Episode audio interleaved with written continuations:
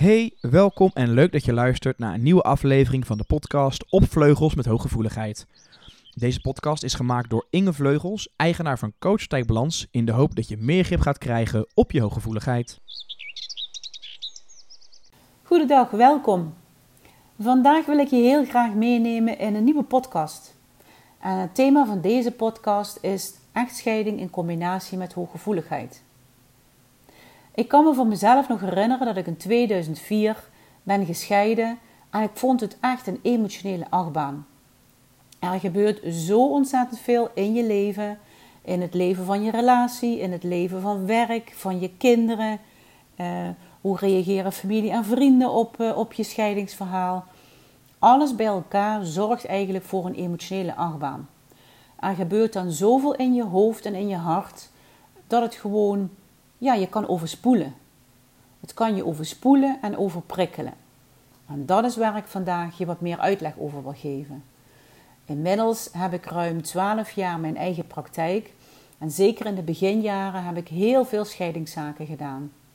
Ik vond het namelijk heel belangrijk dat ik alle mensen die gingen scheiden leerde uh, te vertellen dat het ook goed kan komen. Ik wilde ze heel graag al mijn kennis en ervaringen doorgeven. Leren van een ander. Leren uh, wat je wel en wat je niet kan doen. Hoe maak je een ouderschapsplan? Hoe zorg je ervoor wat je allemaal gaat regelen? Hoe zorg je dat het op een fijne manier gebeurt?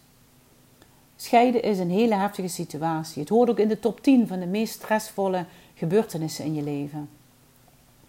En ik hoop natuurlijk dat niemand het overkomt, maar als het je overkomt, is het wel heel fijn als je kan sparren met iemand. Als iemand je kan vertellen, misschien is het goed als je eens met die blik naar jezelf kijkt, of naar de situatie, of naar je partner, of naar je kinderen. Alles is goed om te zorgen dat je zelf beter in balans komt. En dat is natuurlijk heel heftig, want als hooggevoelige beleef je intenser. Is het leven intenser. En ik zeg altijd, alles is maar factor 10. Dus we zijn ook tien keer meer boos. We zijn tien keer meer verdrietig. En we hebben ook tien keer langer de tijd nodig om alles te verwerken. Want het is niet nogal wat wat er dan gebeurt. Doordat we intenser voelen, dat komt omdat de prikkels die je binnenkrijgt, intern en extern, niet gefilterd worden. Die werkt bij ons niet goed, die filter, of werkt helemaal niet. En dat zorgt ervoor dat alle informatie heftig binnenkomt en dat moet je verwerken. En je hebt dus daadwerkelijk alleen tijd en hersteltijd nodig om goed na te denken wat je wil. Om goed een keuze te maken. Hoe wil je ermee omgaan? Wat vind je belangrijk? En dat is best wel heel erg pittig. Wat je als hooggevoelige heel belangrijk vindt, is eigenlijk dat je verbinding wil zoeken met je partner. Je wil verbinding zoeken en je zoekt diepgang en je zoekt, zoekt verrijking in je leven en in je relatie. En op het moment dat je gaat scheiden, is die verbinding weg. En dat ervaren heel veel hooggevoeligen als heel verdrietig. En het gevolg is dan dat ze zich eenzaam voelen. Eenzaam in de relatie is een heel heftig gevoel. Je bent de diepgang kwijt, je bent de verrijking en de verbinding met je partner kwijt. En dat maakt dat je je alleen voelt en eenzaam. Je hebt misschien eindeloos geprobeerd om je relatie te redden. Of je hebt heel veel toegegeven. En je hebt grenzeloos en oeverloos ehm, ja, gegeven. Ja, je bent goed in je verlangens uh, van anderen tegemoetkomen. Maar de valkuil is natuurlijk dat je jezelf daarin tekort kan doen. En als je maar lang genoeg twijfelt of lang genoeg uh, negatieve dingen gebeuren, ga je een beetje twijfelen aan jezelf. Dan gaat je zelfvertrouwen naar beneden. En dit is eigenlijk bij uitstek gedrag, uh, het oeverloos geven, het verlagen van je zelfbeeld, het leven onder stress, uh, om overspannen te raken. En ik zeg dan altijd, we hebben allemaal een emotionele accu. En die emotionele accu is op een gegeven moment ook een keer op. En als die opraakt, moet je zorgen dat die gevuld wordt. En dat is natuurlijk heel lastig, zeker in deze stresssituatie, als je gaat scheiden en de emoties zo heftig door je lijf en door je hart gaan, is het een pittige, pittige reis voor je.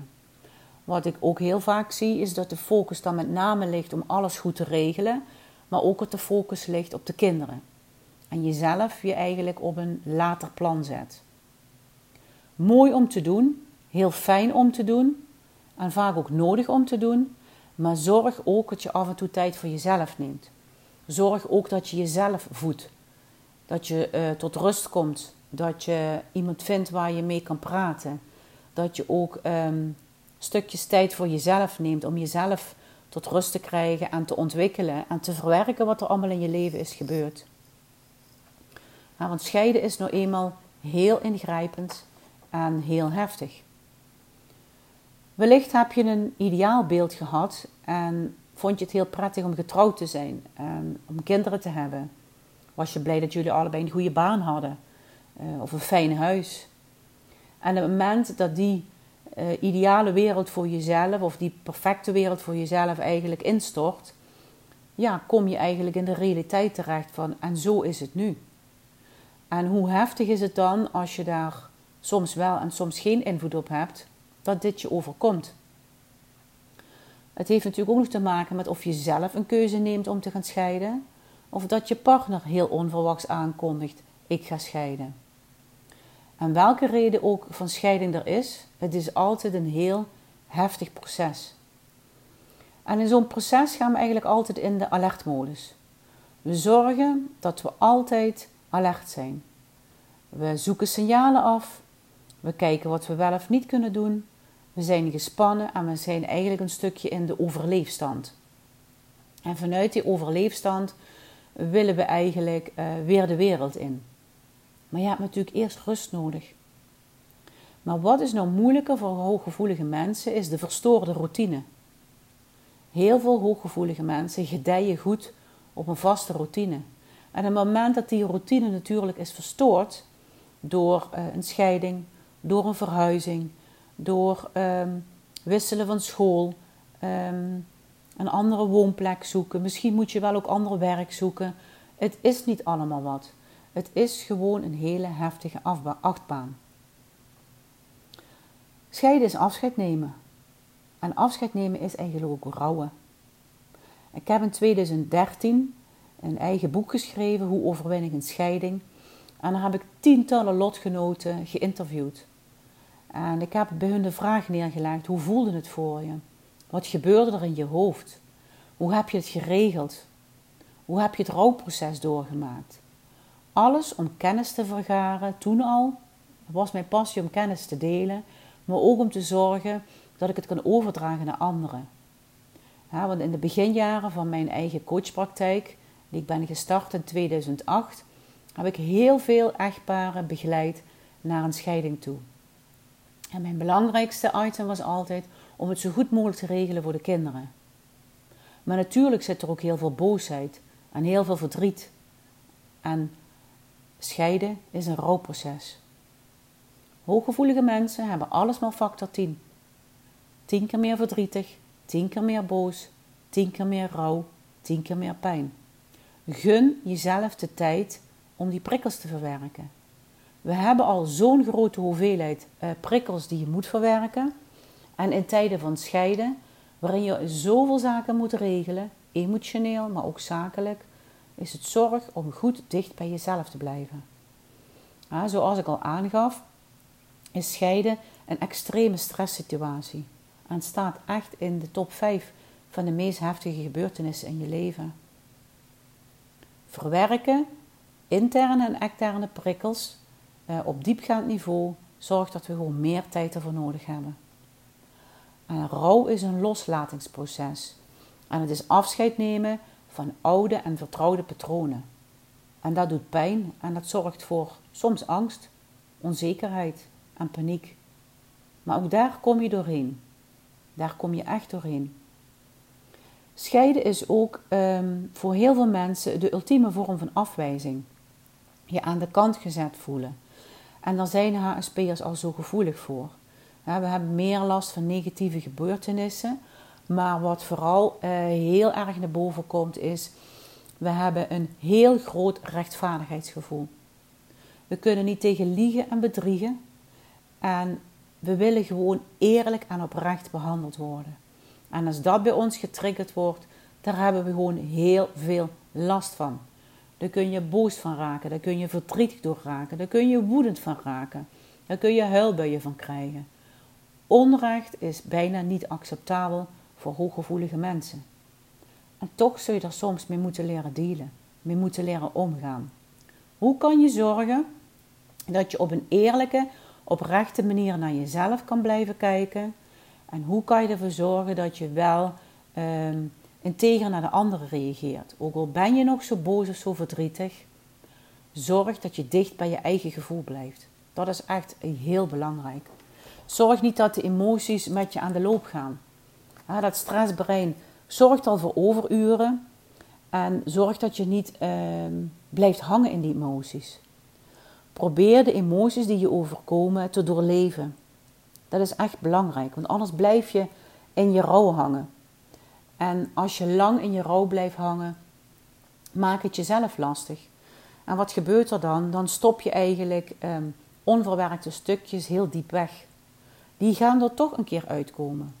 Die gaan toch een keer verwerkt moeten worden. En uiteraard, iedereen verwerkt op zijn eigen manier.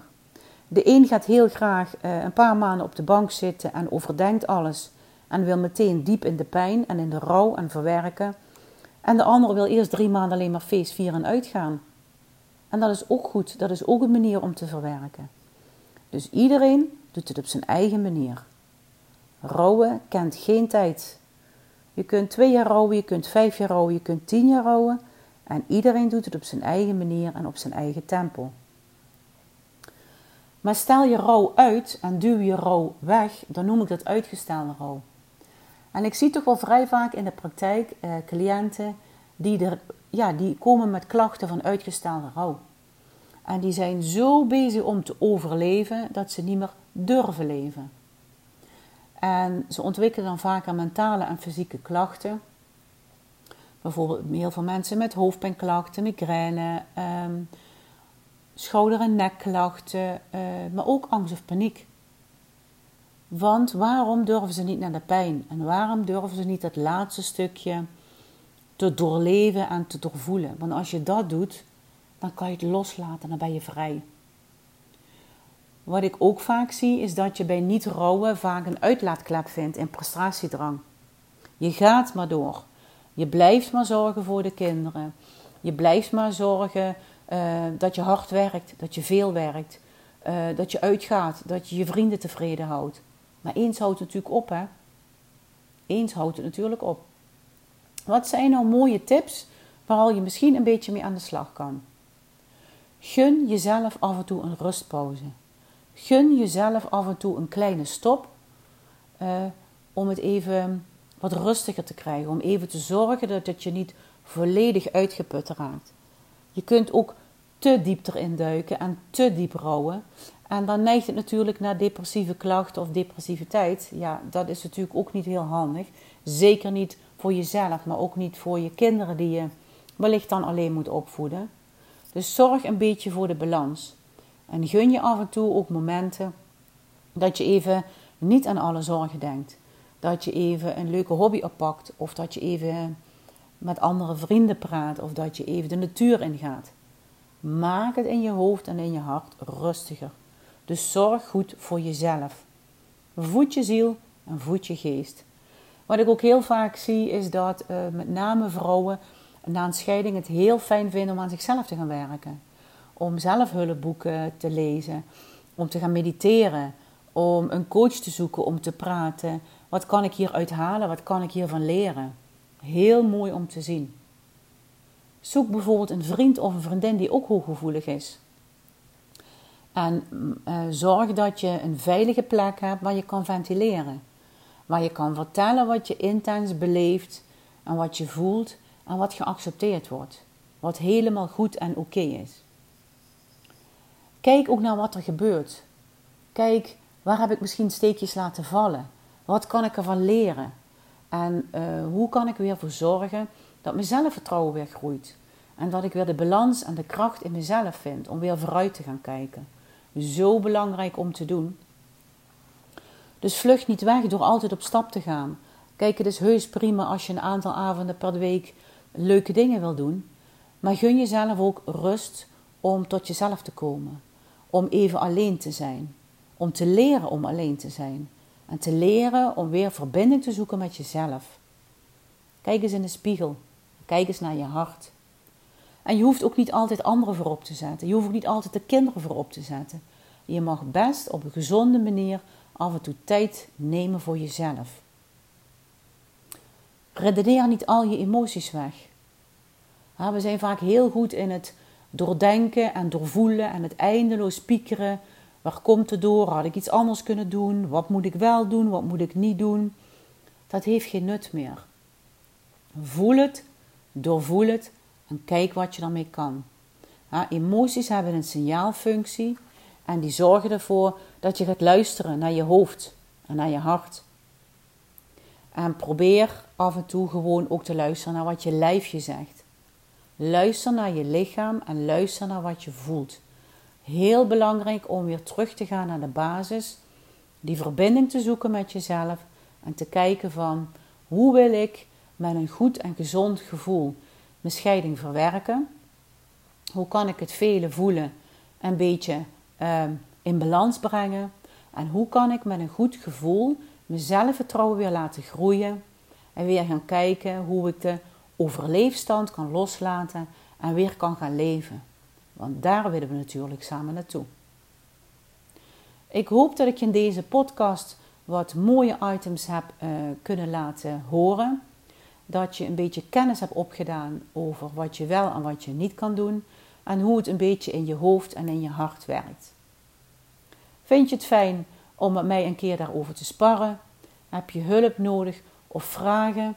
Je mag me via de bekende kanalen benaderen en dan maken we samen een afspraak en dan deel ik heel graag nog veel meer kennis met jou om te zorgen dat je met een goede en gezonde open blik weer de wereld met een tegemoet kan gaan. Ik wens je een hele mooie en warme en liefdevolle dag toe en heel graag tot ziens. Hopelijk heb je wat gehad aan deze podcast. Wil je nou altijd op de hoogte blijven? Vergeet dan niet deze podcast te volgen en te liken. En voor meer informatie kun je terecht op coachpartijbalans.nl.